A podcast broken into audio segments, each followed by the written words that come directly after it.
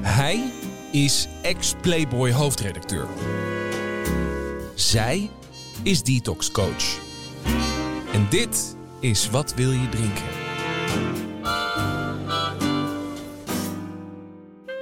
Hallo, ik ben Jan Heemskerk. Ik ben 60 jaar oud, ja het is waar. En daarvan heb ik er 44 gedronken. Ik vond het eh, zelf wel meevallen, want ik, maar ik dronk toch waarschijnlijk meer dan echt goed voor me was. Mijn laatste drankje was een koud biertje op visite bij vrienden op 5 september 2016. Hallo, ik ben Jacqueline van Lieshout, 47 jaar en daarvan heb ik er ongeveer 25 gedronken. Alhoewel slechts drie keer per week, wel altijd in een fors tempo en met een blurry einde. De laatste kater was op 22 juli 2016 na een onvoorstelbaar dronken avond op Terschelling. Juist. Nou, Jacqueline, wat wil je drinken? Earl Grey thee. Echt waar? Jan, wat wil jij drinken? Doe mij er ook maar eentje dan.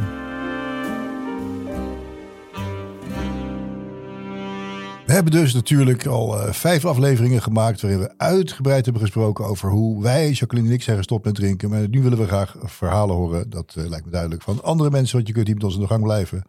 Ja, precies. En daarom ben ik heel blij om aan te kondigen vandaag bij ons te gast, René van Kolm. René is drummer bij Doe Maar. In deze podcast gaat het vooral om alcohol, maar bij René begon zijn verslaving met een joint met wiet en heroïne, om er even met de deur in huis te vallen. Een jaar later begon hij als drummer bij Doe Maar. De band werd steeds groter, zo ook de drang naar drugs. Zo erg dat hij uit de band werd gezet. Inmiddels is hij clean, al heel lang ook, en weer drummer bij Doe Maar. Dus welkom René, goed dat je er bent. Dankjewel. Wat wil je dankjewel. Nou, ik heb, eh, ik heb al een kopje thee met Earl Is dat Grey. eh, geregeld? Earl Heerlijk. Earl Grey favoriet? Ja, favoriet, absoluut. Goed zo, ja. Normaal gesproken beginnen we de podcast altijd met de vraag: wat was je laatste drankje? Maar goed, bij jou is dat misschien anders. Ehm, dronk jij voordat je met drugs begon ook al? Of is het versterkt toen je begon met drugs gebruiken? Nou, mijn eerste ervaring met drank, denk ik dat dat toch gewoon eh, experimenteel thuis was. Bij mijn ouders stonden natuurlijk, zoals vaak bij mensen staan. En zeker in, de, in die tijd, en heb ik het over nou, heel lang geleden. Hoe oud ben je? Ik ben eh, ook 60. Kijk, dat vind ik dan gezellig, dat je Ja. eerlijk toegeeft. Wij, Wij- ja, wij zijn ja, jaargenoten, zullen we maar zeggen. Jaargenoot, ja. Nou, ik word binnenkort zelfs 61 in november.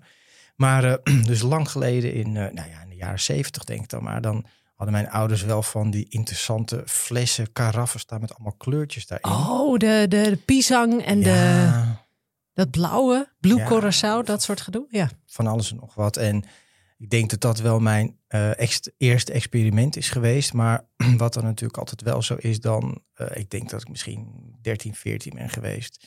Dan ziet dat er veel aantrekkelijker uit dan het smaakt natuurlijk. Dan neem je Ja. zo'n slokje en is het eigenlijk best wel vies. Ja. Maar het was toch wel interessant. Dus dat is eigenlijk het, het eerste begin.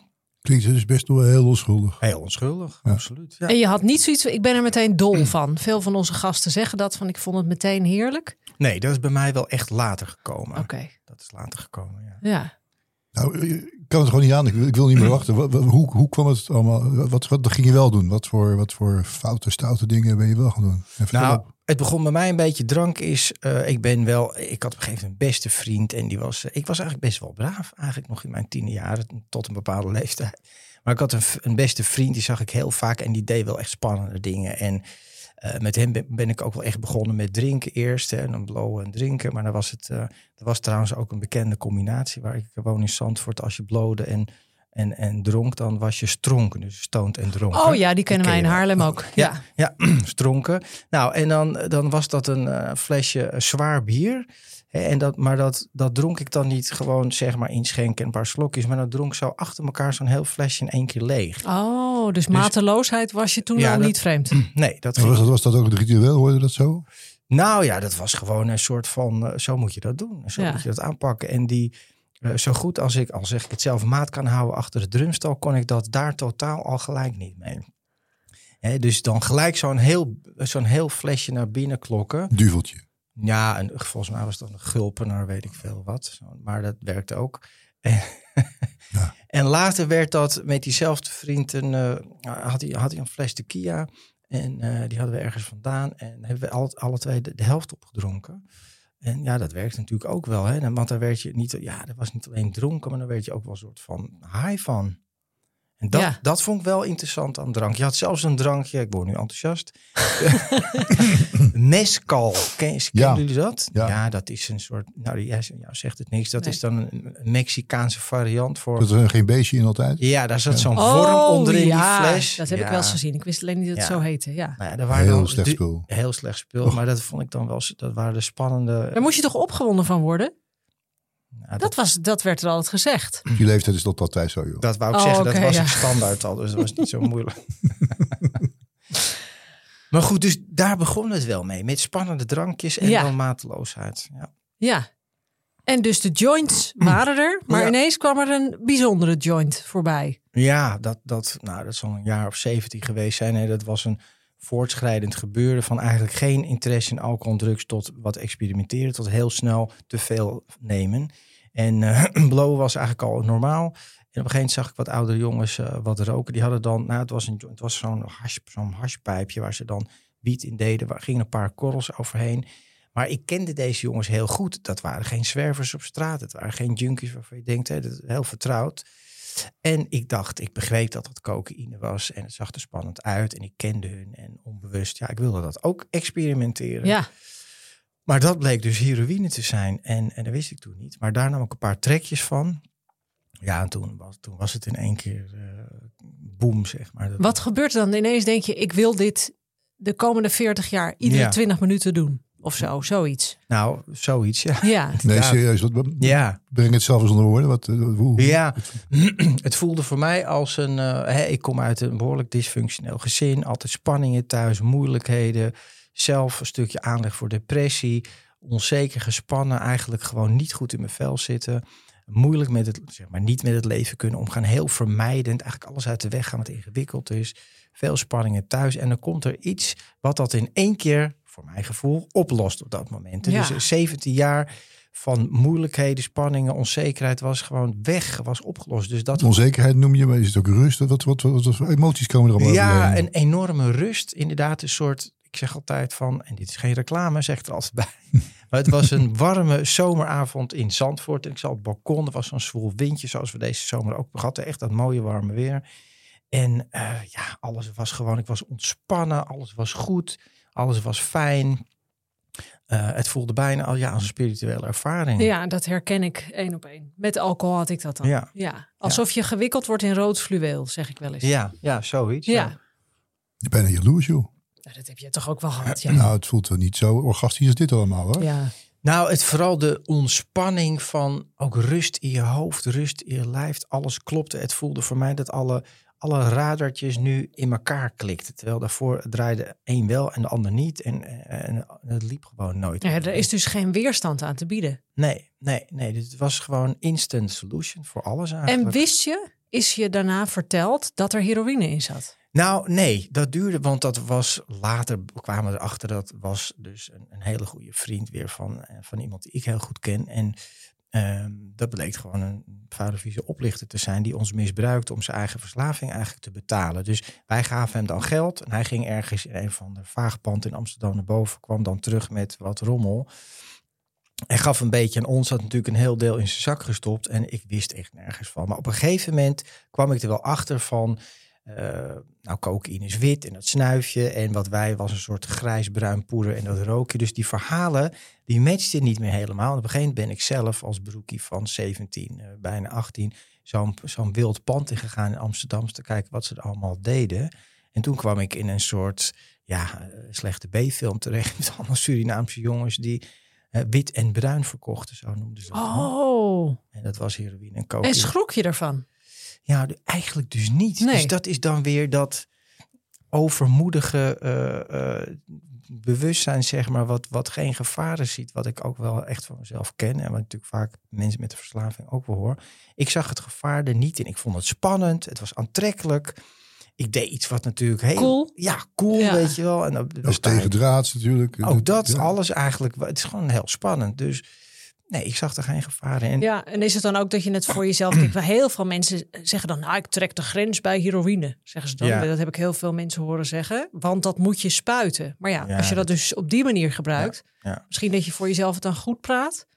Nou, wat, wat kijk, ik heb een beetje, ik ben er andersom geïntroduceerd eigenlijk in. Kijk, als je van tevoren zegt dat is heroïne, de heroïne heeft altijd een soort stopbordje van Precies. dat moet je niet doen. Ja. Zo, alsof, de Ja. rest, alsof de rest wel oké is. ja, maar goed, precies. Ja. maar dat wist ik dus niet. Dus bij mij ging het andersom. Dus op het moment, ik heb het eerst geprobeerd en ik dacht dat het cocaïne was. Dat werd mij verteld. En later kwam ik erachter dat het heroïne was. En toen dacht ik, als dat de heroïne is, dan valt dat wel mee. ja. Ik, ik had het dus, ik had daar toch een ander beeld bij. En wat ook zo is, dat is natuurlijk met alle verslaving eigenlijk zo, dat je hebt niet gelijk een heel probleem dat je hele leven gelijk overhoop ligt na drie keer gebruiken. Dus die overschatting was enorm aanwezig bij mij. Ja, dat het zo werkt het zo. Dat je, i- tuurlijk, na drie keer ben je nog niet verslaafd. Want dat is Nee, niet zo erg. nee. Dus je denkt, denk je dan nog een tijdje van, nou ja, dit valt eigenlijk best wel mee. En voor je het weet ben je, Precies. zo is dat hoe het werkt. Ja, ja, zo werkt het. En zo werkt het, tenminste in mijn beleving, toch wel met alle verslavingen. Dat in het begin overschat je natuurlijk het. Ik kan het aan, het valt wel mee. Problemen zijn, zijn er eigenlijk nog niet van grote aard.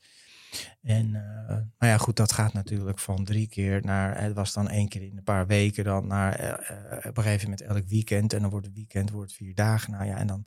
En ik merkte wel op een gegeven moment ook van, als ik het niet gebruikte, dan voelde ik me niet zo lekker.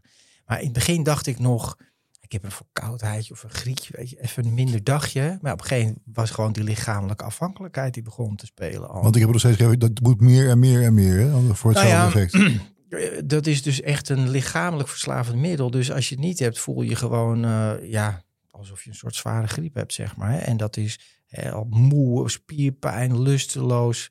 Nou ja, dopamine ligt plat op de grond. Ja, ja. Nou, dus geen, niet lekker. Maar op het moment dat je wat gebruikt, pam, is dat opgelost. Dus ja, dat helpt. Om Is de griep meteen over? Bij griep- van.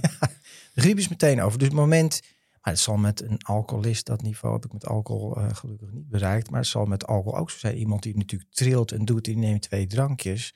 Dan is dat weg. Ja, dat klopt. Dat Ja. is natuurlijk bij heel heftig, ernstig gebruik zo. Maar eh, mindere effecten, die ook niet bekend zijn. Dus ik ben blij dat je het even aanhaalt. Voor de luisteraar ook wel interessant. Die zijn er wel. Dat mensen zich een beetje saaiig, beetje Ja. suffig, niks aan. Ja. Weet je wel? Omdat de dopamine, het dopamine shot van die alcohol, al zijn het maar, ik maak nu haakjes voor de luisteraars, eh, vier glazen op de vrijdagavond, of acht of twaalf of whatever. Dat is toch die dopamine overweldiging Ja. die in feite heroïne ook geeft. Ja, Veel heftiger, ja, maar dus die afkikverschijnselen heeft iemand die drinkt ook. ja. Ja, natuurlijk. Het, kijk, je, je kan niet, alles heeft gewoon zijn prijs. Dus je krijgt altijd de rekening. Ja. En die rekening is wat groter of wat minder groot, maar die komt altijd. En hield je het geheim? Het gebruik heb je dat lang eh, alleen maar tussen jou en de andere vriendjes gehouden? Ja, er zat toen een soort vriendengroep die dat allemaal deden. En het was ook die tijd, de jaren tachtig. En had de Zeedijk in Amsterdam, voor wie dat nog... Dus nu een Ja, hele daar durfde je niet te komen toen. Nee. Ja. Ik was toen Nou, nog heel klein, maar Jullie wel. Ik wel hoor. Ja. Terwijl ik ben echt, nou, ik was, ik was een scharminkel. Niet dat ik nu een grote kerel ben, maar ik was toen echt een jongen in zo'n kort broekje met zo'n half zacht baardje. Maar toen zat je al in Doe, Doe maar, begin toen, jaren tachtig. Ja, toen Ja. kwam ik eigenlijk in die band. En toen ik in die band kwam, was ik ook al verslaafd. En, en ja, dat werd natuurlijk niet gelijk bij het eerste contact uitgevraagd. Ehm, ik blode wel, maar ja, iedereen blode. Ja. En die jongens deden ook wel eens wat, maar niet in die categorie natuurlijk. En ook geen heroïne. En ik functioneerde in het begin. Ik ben in Doe maar echt aangenomen, omdat... daar gaat natuurlijk het uit, uiteindelijk om. Dat je werk gewoon, als ik, als ik met hun ging zitten spelen... en dat was tot op het laatste moment zo... dan was gelijk die klik ervan muzikaal. Dit is wat we willen, dit voelt helemaal top, weet je wel. En dus ja, zo ben ik er eigenlijk ingekomen. En later kwam het probleem naar voren. En toen? Ja, en toen? Nou ja, ik kwam in Doe maar, hè, 18. Nou ja, als ik nu naar iemand van 18 kijk... dan 18, denk ik, zo jong ik ben ook. gewoon een kind eigenlijk nog. Maar dus ook die hele hysterie, toen was je Ja. begin twintig of zo, of Nee, nog twintig. jonger. Ik heb van mijn achttiende tot mijn bijna twintigste de eerste anderhalf, twee jaar erin gezeten. En toen ben ik eruit ge- gegooid. en eh, ehm, ja, nee. Dit, kijk, aan de ene kant was het...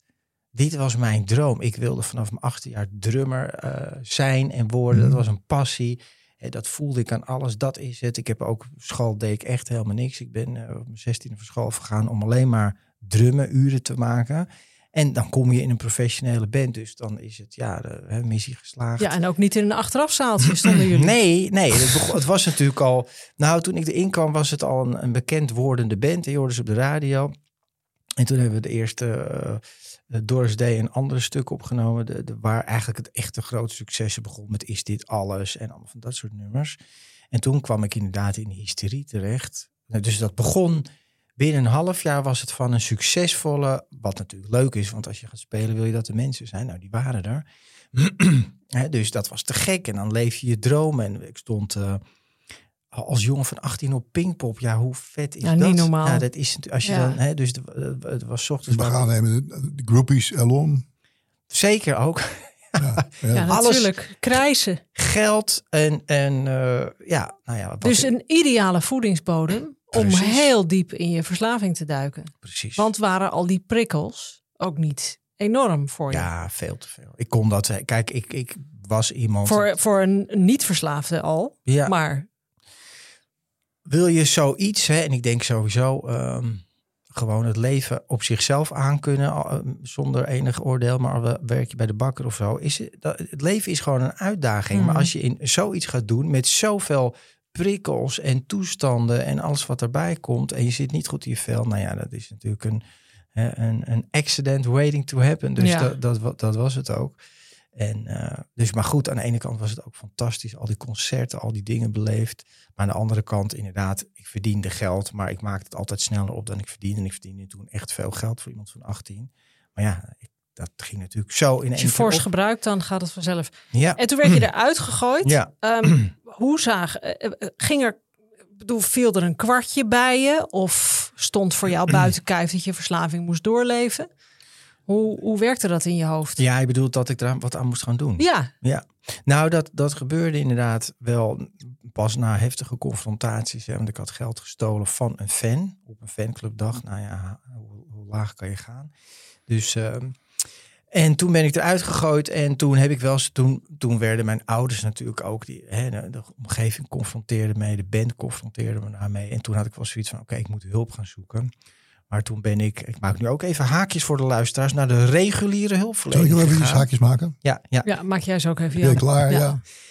Eh, de gewone hulpverlening. En ja, daar kwam ik toen terecht. En eh, ja, dat was, daar gebeurde niks. Dat was een gesprekje van een uur in de week. En er was een beetje pap en nat houden. En dan kreeg ik wat pillen mee. En Succes, meneer Van Kolm. ja, een beetje zo. Ik probeer een beetje afspraken te maken. Een van de afspraken was, eh, nou, ik, eh, ik kwam op een gegeven moment later ook met mijn familie erbij, mijn, mijn ouders. Nou, hij mag niet blowen eh, voor vijf uur middags. Oh, daarna wel. Ja, ja, dus daarna mocht het wel. Dus om vier uur zet ik de klok al op vijf uur thuis, want dan. dan, dan ja, zo gaat dat dan. Ja, dit, dit, dit, soort. dit zegt toch wel iets heel ergs over de gezondheidszorg in Nederland dan? Of is dat, eh, Ja, nou, maar jij zou toch direct moeten worden opgenomen in een detox en dat soort Ja. dingen? Dat was dat niet aan de orde? Nou, dat, dat, heb ik, dat deed ik. Ja, nou, dat heb ik ook wel. Ik denk dat ik, ik ben echt de tel kwijtgeraakt. Ik denk dat ik zeker twintig keer in een detox eh, Ja. eh, ben geweest. Maar een detox is geen behandeling. Dus een detox is puur een Ontgifting. ja, Even ontgifting. tot rust hè. komen. Even tot rust komen. Maar en, en je gaat, eh, wat voor middel het ook, alcohol, drugs of wat dan ook, daar stop je dan mee, je ontgift. Maar als je er buiten komt, ben je eigenlijk nog precies dezelfde persoon zonder tools van wat moet ik nu gaan doen. Nou, en dus duurde dat één dag, twee dagen, drie dagen. En dan was ik, eh, stond ik bij de dealer voor de deur. Want dan werd ik weer geconfronteerd met mezelf, met het leven en de onzekerheid. En hoe moet het nou? En, en ik Ja. voelde me altijd heel gespannen en Hoe, hoe, hoe, hoe, hoe diep ben je, ben je uiteindelijk heel diep gezakt? Is daar, ben je uit, uit het graf gerezen? Wat, wat, wat, hoe, hoe diep moeten we kijken? Waar je- Ja, ik denk dat ik wel. eh, pff, ja, 30 jaar verslaving is natuurlijk sowieso al zeer heftig. Maar ik ben wel. Dus eigenlijk tot je 47ste of zo ja, ja, klopt. is het doorgegaan. Ja, en heb ja. je in die tijd kinderen gekregen, relaties? Ja. Ja, nou ja, relaties waren geen succes. Omdat ik dat natuurlijk niet eh, volhield. Of ik, ik vertelde ook vroeger van dat soort dingen. Van, ik wilde me ook niet binden. Want eh, ik was wel, bedoel, seks is leuk, maar een relatie, daar was ik niet zo geïnteresseerd in. Ik zei dan altijd van ja, maar ik ben een muzikant, dus ik kom overal meisjes tegen, dus je moet nergens op rekenen. Oh. Ik had een mooi. Oh, dat ga ik ook eens proberen. Ja, nee, maar dat heb je ook jaren gezegd. Dat heb je ook jaren gezegd. Ik ben hoofdredacteur van Playboy. Ja. Van mij niets te verwachten. Nee, dat, had ik moeten doen. Dat had ik moeten doen. Ja. dat was slecht. Gemiste kans. Nou ja, dus maar daaronder zat eigenlijk En had ik heel veel. En er zijn ook genoeg meisjes die dat accepteerden. Maar ja, uiteindelijk zat je dan toch alleen op de bank. Hè? En, en dat was, ja, er was geen liefde, er was geen verbinding. Dus ik werd eigenlijk steeds eenzamer en leger door al dit soort acties. Dus nog meer gebruiken. Dus dat ga je dan weer gebruiken. En Ja. af en toe wilde ik ook dat gevoel, en ik weet niet of jullie dat kennen, maar dan was ik één keer in de zoveel tijd, dan ging ik gewoon helemaal onder zeil. Dan ging mijn telefoon uit, dan ging ik een paar dagen op zo'n ja, binge van gebruiken en doen. Ik en, heb dat nooit gedaan. Nee, Nee. ik wel. Maar dan, ja, dan was ik niet vindbaar, niet hoorbaar. Ja, maar ik kan me ook voorstellen met drugs, dat houdt je dan ook wakker. Snap je dat je in zo'n kokon Ja. duikt? Ja, Ik was heel erg een met andere mensen drinker. Ja, natuurlijk, ik heb altijd, ik, de, de- al die drugsvragen, dan zeg ik altijd niet, voor niet van toepassing. Want ik ben, ik vond het al af van meet af aan. Ik had natuurlijk wat vrienden ook die in de kook zaten. Ja. Zo fucking eng. ja. Ik ben twee keer gebloot, twee keer flauw gevallen, geloof ik. En eh het, uit het boel Ja. gekotst en dan ben je ook klaar, weet Ben je. je Dus klaar? Ja, gewoon mazzel. Ja. Ja. En dat, eh, als je dat eenmaal voorbij bent, ja. Dan is het, het lijkt me, dan durf je alles. Ja, Ja, ik denk wel eens dat ik dat met cocaïne ook wel had kunnen. Ik denk dat ik dat zes keer gedaan heb. En dat Mhm. ik toen een grote schreeuw in mijn hoofd hoorde. Dat moet je nooit meer doen. Want dat vind je veel te lekker. Ja. En dat ik er ook heel ziek van werd. Ja, Omdat je dan veel meer kan drinken. Eng. Ja, ja, precies. Ja. Ja, ik vond het niet eng. Ik Ja, vond het dat, dat is- Dat is heel fantastisch. fascinerend van jouw verhaal. René. Dat, dat je Ja. zegt, ja, dat, dat, dat, dat al die gekke huizen inklimmen, de- doodenge mensen leren kennen.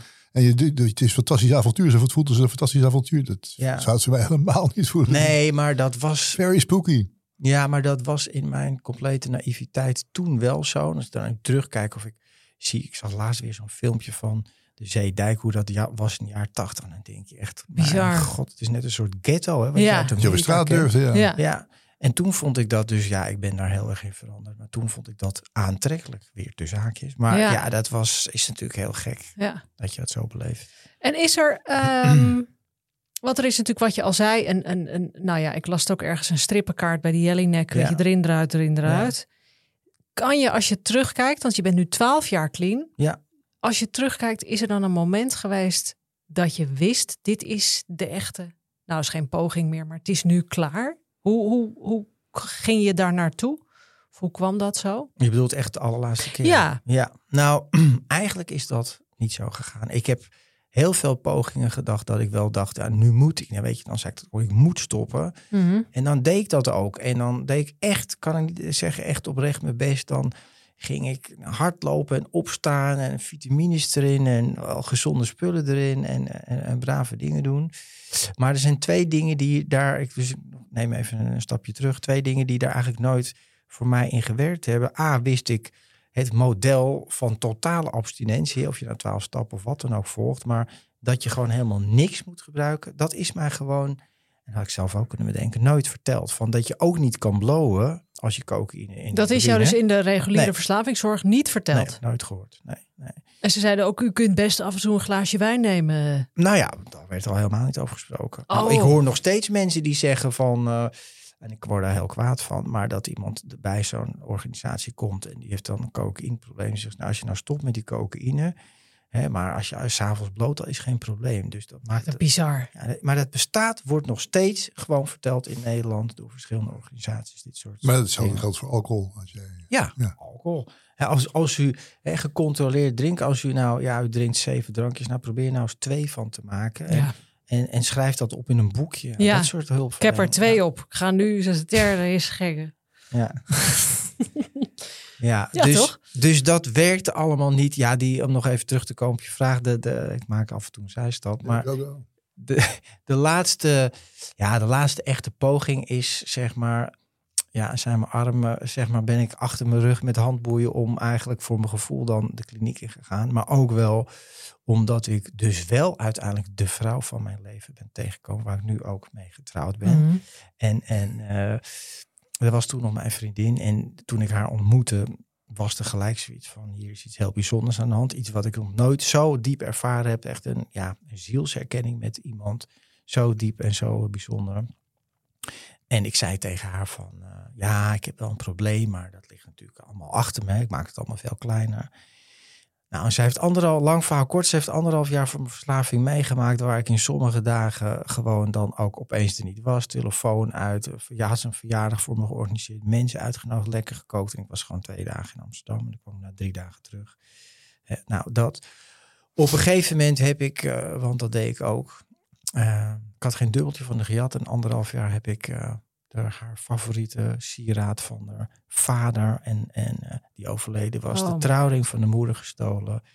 In een hele desperate toestand van mezelf. En eh, ja, dat je voelt dat je, dat je echt iets doet van dit kan helemaal niet. Maar door, ja, door de verslaving gedreven. En, en heb ik het toch gedaan. En eh, heb ik het gewoon van haar gestolen. En toen heeft ze me s'avonds een e-mail gestuurd van eh, het regende. Het was zo'n eh, herfst en het regende keihard. Het was donker en ze zei eh, de hemel huilt en je hebt ons liefde kapot gemaakt. Ik word altijd nog eventjes... ja, eh, snap ik. dat raakt me altijd nog, Ja. omdat zij zo, zo'n bijzondere, liefdevolle vrouw is. En dat heeft me eigenlijk ja, op een stuk doen breken. En toen zei ze ook van, eh, ik wil wel oud met je worden, maar niet oud van jou worden. Hè? Ja. En, en dat werd ze heel snel. En eh, maar ja, toen heeft eigenlijk, want mijn moeder die stelde nooit grenzen. En zij is ook, die, mijn Margreta, mijn vrouw, is de allerliefste vrouw. En toen zijn ze echt grenzen gaan stellen van, nou, je gaat of je gaat het nu echt doen en dan blijven doen en dan de hele overal doorheen en de hele rit en helemaal clean worden. Of de deuren gaan echt bij ons dicht. En niet omdat we niet van je houden, maar omdat we niet meer kunnen. Dat we gewoon op zijn, dat we kapot gaan. En dat heeft mij met volle tegenzin, geen motivatie en nul zelfvertrouwen, nou min 100 zelfvertrouwen, toch zo'n, en dan, dan, nu was het dan wel een 12 stappen kliniek, hè, dus met ervaringsdeskundige model van totale abstinentie. Ben ik die kliniek ingegaan en echt dag voor dag maar daar doorheen Is ooit, is ooit nog eens een keer een oorzaak voor je gevoel boven water gekomen? Dat je dacht, hier komt het nou van? Of, of, Het gebruiken bedoel je? ja, Nou ja, het, wat ik bij mezelf herken is de, de basis. Aan de ene kant de ongemakkelijkheid van in mezelf, de onrust, eh, aanleg tot depressies. Dat ken ik, eh, ken, heb ik ook meegemaakt toen ik clean was. Hè. Gewoon periodes dat ik gewoon ja, eh, meer de- depressief voel. Ehm, en ik denk ook wel, wat ik ook wel ken van mezelf, is inderdaad dan een basis, zeg maar, laag dopaminegehalte. Een beetje zo dat lusteloze. Die angst in de jeugd, Ja. dat herken ik. En, en die onveiligheid in de jeugd. Ja. Nou ja, als je die drie bij elkaar eh, pakt, dan heb je, een, heb je hem wel, denk ik. Het is ja. eigenlijk natuurlijk wat je beschreef de eerste keer dat je gebruikte. Dat je al die onzekerheden die zijn hele jeugd heeft gevoeld, was in één keer voorbij. Ja, Ja, ga er dan maar weerstand aan bieden. ja maar heb je dat moeten, is, is dat uiteindelijk dan gebeurd? Heb je dat moeten verwerken? nou ja, wat ik eigenlijk heb geleerd, en dat is natuurlijk waar het denk ik altijd over gaat, is om het leven aan te gaan zoals het is, zonder te vluchten, zonder te vermijden en zonder Te eh, verdoven. ja, zonder te verdoven, zonder pijn en verdriet te verdoven. Eigenlijk ben ik natuurlijk een grote bange poepert. Hè? Gewoon weglopen voor alles wat, wat moeilijk is.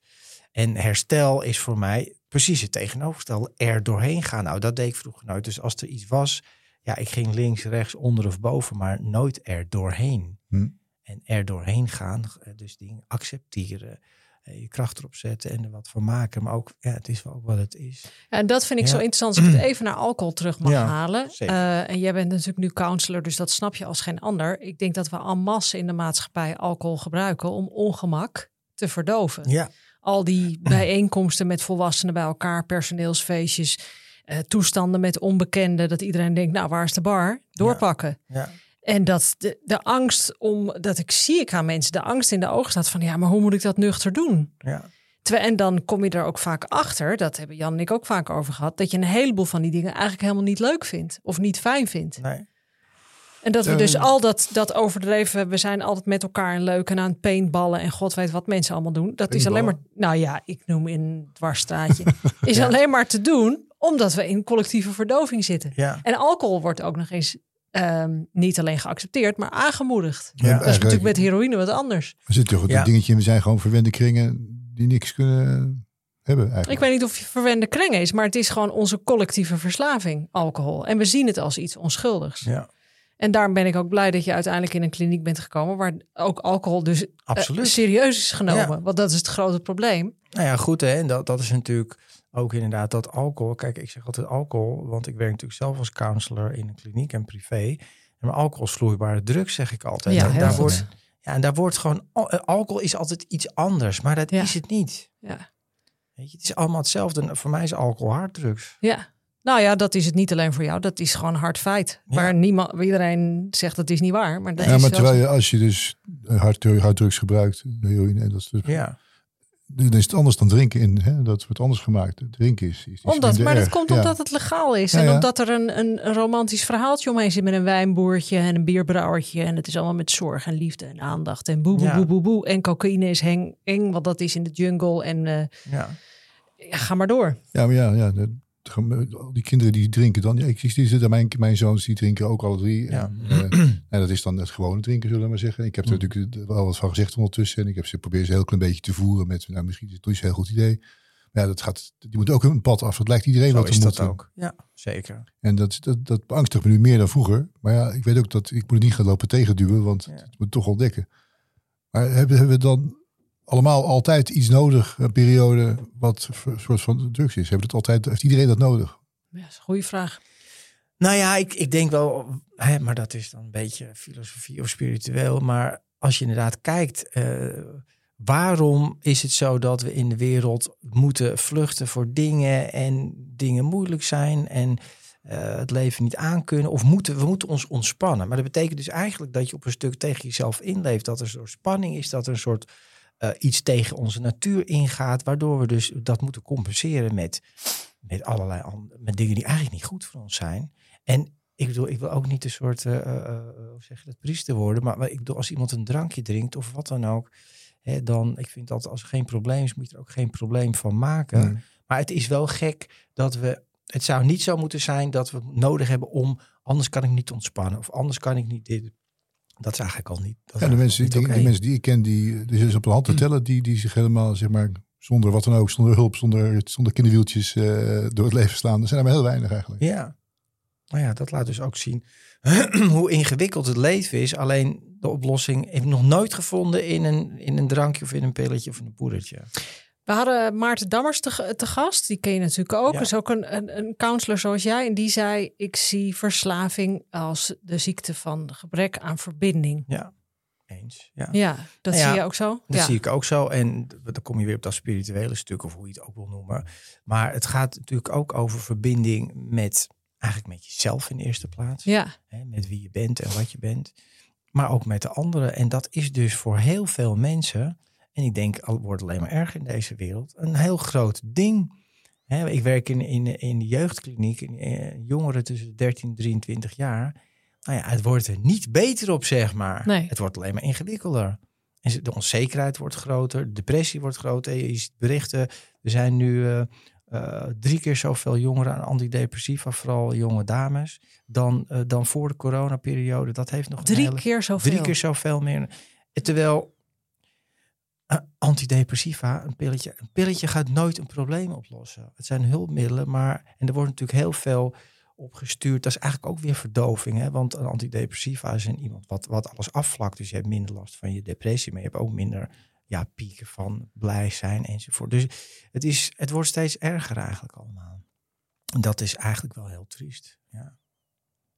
Eh, eh, Helpt het jou heel erg? Want jij bent nu twaalf jaar in herstel. Ja. Ik, ik vind dat altijd dat in herstel. Dan denk ik, ja, ik denk daar veel over na. Dan denk ik, ben je dan voor eeuwig? ja, Ligt het op de loer? Ik bedoel, ligt vlucht in alcohol of drugs nog voor jou op de loer? Nee, ik kan echt nu een volmondig nee daarop Ja. zeggen. Omdat dat die behoefte of dat, die, nou ja, dat patroon om die optie te kiezen als ik het moeilijk heb. Want dat heb ik natuurlijk echt in de afgelopen twaalf jaar regelmatig gehad. Want het is niet als je stopt dat het opeens dan Nee. leuk Dan begint het pas. Ja, Maar die optie is weg, zeg maar. Dus eh, daar heb ik echt iets anders voor gevonden. En, maar de eerste paar jaar is dat natuurlijk wel... De, ja, ik weet niet precies. De eerste twee, drie, vier, vijf jaar is dat toch nog wel iets wat je wel voelt. En eh, Ja. triggers, hè, natuurlijk, van je brein en je geest. Je ziet wat je hoort, wat zeker... meer- Dan, dan komt die optie, kwam nog wel eens voorbij. Alleen ik spoelde dan wel altijd het filmpje vooruit. En ik wil me nooit meer zo voelen zoals ik me toen gevoeld heb. En alles kwijtraken. Want, want je raakt natuurlijk, ja, je raakt jezelf kwijt, maar je raakt ook de liefde kwijt. Ik raak mijn, mijn moeder, mijn, mijn vriendin, Alles. mijn zoon. Ik heb een zoon, die heb ik tien jaar niet gezien door mijn verslaving. Ik zie hem nu weer 4,5 jaar. Nou ja, dat eh, dus. Maar dat is ook wel wat het ding is waar ik ook in geloof. Dat je kan wel zeggen, je moet dat allemaal niet meer doen of het is niet goed voor je, maar er moet wel iets voor in de plaats komen. Mhm. Als je iets weghaalt en ontstaat er een gat. Dus ja, Maar merk je dat je, je dat merk ik eh, zelf, ik, weet niet of Jan dat zo heeft, maar ik kan mezelf bijvoorbeeld verliezen in sporten, Ja. in werken. Of ik Ja. blijf een addict brain Ja. houden, Ja. wordt het wel eens genoemd. Her- herken je dat? Heb je ja dat? dat herken ik ook wel in- in delen. Ik zeg altijd, ik kan heel goed maat houden achter een drumstam, maar daarbuiten iets minder. Ja, nee, die vond ik prachtig Ja. inderdaad. Dus eh, ik herken dat ook wel, hoewel het best bijzonder is. Want ik, ik heb echt een muzikanten-attitude had ik vroeger. Dus dat is laat opstaan, zo min mogelijk doen. En vooral wel doen waar je zin in hebt. Maar dat is wel echt omgeschakeld in de afgelopen twaalf jaar. En ik vind werken heel erg leuk, heb ik gemerkt. Dus ik werk mijn slag in de ronde en soms iets te lang.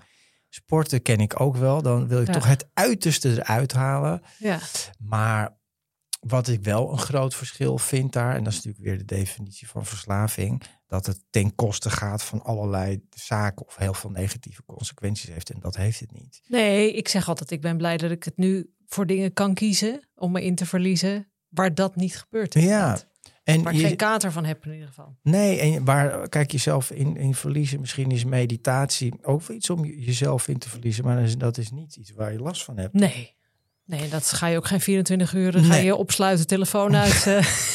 Ja, ik denk dat ik, dat ik vind dat eh, die kracht die je hebt om niet te drinken of om niet te roken of Ja. om die dingen te doen, dat, dat maakt je wel weerbaarder tegen het leven zoals het inderdaad toch altijd wel is. Precies. Lastig. En, en ik ben, ben heel dankbaar voor die weerbaarheid. Ik denk dat Ja. dat het is. Dat ik, Ja. Ja.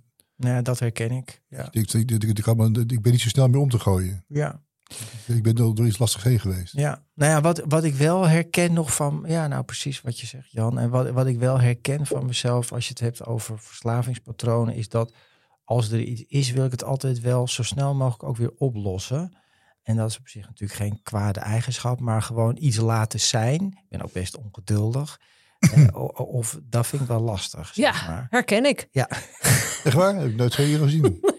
Dus het moet wel gelijk worden opgelost. En Ja. er, moet, er moet een oplossing komen. En eh, ik vind het ook heel lastig als ik ziek ben. eh, Daar kan ik niks mee. Dan moet je eraan... o- Dus dat overgeven aan zo... Dat Ja, het is zoals het is. Dat is... Maar ja, weet je, als dat alles is. Nee, maar zo jezelf zo sterk maken als je maar kunt zijn. En dan eh, ja, hopen dat dat genoeg is om wat er op je afgesmeten wordt. Precies. Nog, dat, dat, ja, dat, dat moet het maar zijn. Nou ja, dat is het. En eigenlijk is dat natuurlijk een mentale, mentale kant. Als het een beetje lukt, ben, ben ik er ook echt heel dankbaar voor. Ja. Dat, dat heb ik tenminste niet het gezeik, weet je wel. Nee. Nou ja, dat is het. Hè? Dat, je, dat je zoveel buffer opbouwt, wat je eigenlijk zegt in alle goede periodes. En door de goede dingen die, die ik wel elke dag doe, dat als het dan moeilijk wordt of shit wordt, want ja, dat gebeurt in het leven, dat je dat dan aan kan. En dat je dat. eh, maar een, ik geloof ook heilig in een eh, hè, verslaving en al dat soort zaken of misbruik. Of is natuurlijk ook altijd iets van een isolement en dingen zelf oplossen. En, en herstel, of hoe je het ook wil noemen, is natuurlijk eigenlijk dat je dat niet meer alleen gaat doen. Maar Ja, je maar mensen die hulp delen. vragen, dat is Ja. zo moeilijk. Dat vinden mensen bij alcohol. Ik weet dat Ah, er ja. mensen luisteren die, de- die nu denken... ja, maar ik ga toch geen hulp vragen. Ik lig niet onder een brug. Nee, Ik ben geen zwerver. Ik heb, Haarwater. ja, ik heb geen flessen tussen de sokken. Nee, Eh, nee. Ja, ik drink gewoon een eh, rozeetje of eh, vijf Ja, of twintig met de buurvrouw. Ja. Who cares? Elke dag. Ja, dat, of, of drie keer in de week en dan. ja, ja, dat maar, deed ik maar, ook. Ja. Maar dat, dat zei ik net al. Dat is eigenlijk de grootste groep mensen in Nederland en de hele wereld. Die vallen daaronder. Het zijn mensen die prima functioneren, op een deel dan. Hè, en, en gewoon kinderen hebben en werk en inderdaad niet Ja. onder de brug liggen. ja. Maar wel toch dat middel of, of gedrag of wat dan ook nodig hebben voor een bepaald effect. Ja. En, en daar is heel weinig bewustzijn Nee, over. dit is heel mooi wat je zegt. Want ik, ik denk ook, dames en heren die luisteren, goed om jezelf af te vragen: ga ik er, als ik er nu twee weken mee stop, wat doet die gedachte met mij? Ja. En als je dan onrust voelt, Ja. je, twee weken, want volgende week heb ik verjaardag, hoe kan Ja. niet. En dan moet dat je, moet, maar Ja. dan zegt dat je wat. Nou, daar zou je dus over, over moeten nadenken. Wat, het, wat de functie is dan daarvan. Hè? Ja, Kan je nog dat gezellige gesprek hebben? Kan je nog functioneren? Kan je gewoon rustig op die bank zitten ja, en je ontspannen? Of moet je dat? Nou ja, en pak in positief hebben. scenario ook even de mogelijkheid niet weg dat je het ook gewoon best zonder zou kunnen, maar gewoon meegesleept ben in de gewoonte. Een hele nare, stomme, Ja. idiote gewoonte. Mm. Ja, Misschien is het, ook, is het ook wel genoeg. Ja. Ooit heb ik ooit in een restaurant gegeten in Amsterdam bij Muiderpoort. Dus maakt niet uit, ik weet- ik weet niet hoe het restaurant heet. Ik weet ook niet hoe die gozer heette, maar die had nooit gedronken. Gewoon niks. Ja. Dat was 30 of zoiets juist. Nooit één druppel gedronken. Vond ik zo'n waanzinnig fenomeen. Ik zeg, waarom niet? Je hebt een restaurant, het ligt toch voor de hand. Nee, nee, maar het heeft gewoon nooit, nooit aangestaan bij hem. En hij- waarom zou ik dat dan gaan doen? ja. Dus die, best- die mensen bestaan ook. Dus ik weet wel dat ik dat haast niet kon voorstellen dat ze die Ja. mensen bestaan. Die gewoon nooit, nooit, iets. Die- Ja. dat helemaal ook geen andere dingen. Gewoon, ja, die had een restaurant, dat was 22 of zo. Heel goed, helemaal voor elkaar. Kan ook gewoon. Kun jij ehm, in het kort, want daar, daar wil ik graag mee afsluiten, beschrijven, of in, mag ook iets langer, wat nou het grootste cadeau is voor jou, dat wat nuchterheid je geeft? Ja. Nou, daar kan ik wat ik daarover kan vertellen is dat, nou ja, ik, eh, kijk, het meeste wat ik ervoor voor terug heb gekregen is mezelf. En dan toch degene die ik ben en diegene die ik altijd al geweest ben, ook toen ik klein was, ehm, dat ik die verbinding, hè, dat woord verbinding, dat ik dat weer voel. Ehm, en dat lukt de ene dag natuurlijk beter dan de andere dag. Ja, de verbinding, de liefde die ik kan delen met mijn vrouw, met mijn zoon, met de mensen om me heen. Eh, Dat is natuurlijk, en dat, dat klinkt nog als een egoïstisch motief. Maar aan de andere kant natuurlijk ook mijn werk wat ik doe, eh, privé en, en eh, in de kliniek, om anderen te helpen. Dat is toch wel heel erg, heel erg fijn. Want het gaat toch over dat bewustzijn van wat, wat gebeurt hier nou eigenlijk allemaal. En ik ben dan met die families bezig. Wat gebeurt daar dan? Ja, om dat terug te geven, ook door middel, ik heb nu ook mijn eigen podcast en YouTube kanaal om mensen, vooral de families die dus mensen hebben waar ze van denken, ja, dat is toch wel een probleem. Hij drinkt te veel of gebruikt Mhm. dit of gamen of gokken. Want gokken, dat is ook, nou ja, alles, alles wordt Ja. alleen maar meer.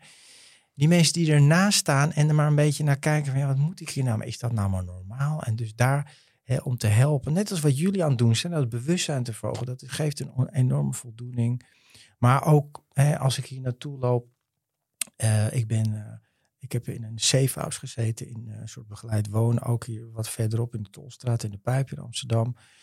En ja, ik loop nu rustig door Amsterdam en ik heb daar gezeten en ik, ik, kan, ik ben eigenlijk in mijn eigen zone. En dat is wel heel fijn. hoor. Ja, dat klinkt wel heel super clever, maar gewoon om met jezelf te kunnen zijn zonder dat gejaagde Ja, ja, ja. Kijken, koffieshop dealer, maar gewoon als zou dat er niet zijn, de onrust. Dat je gewoon, dat je eigenlijk jezelf terug hebt. Ja, dat is alles waard.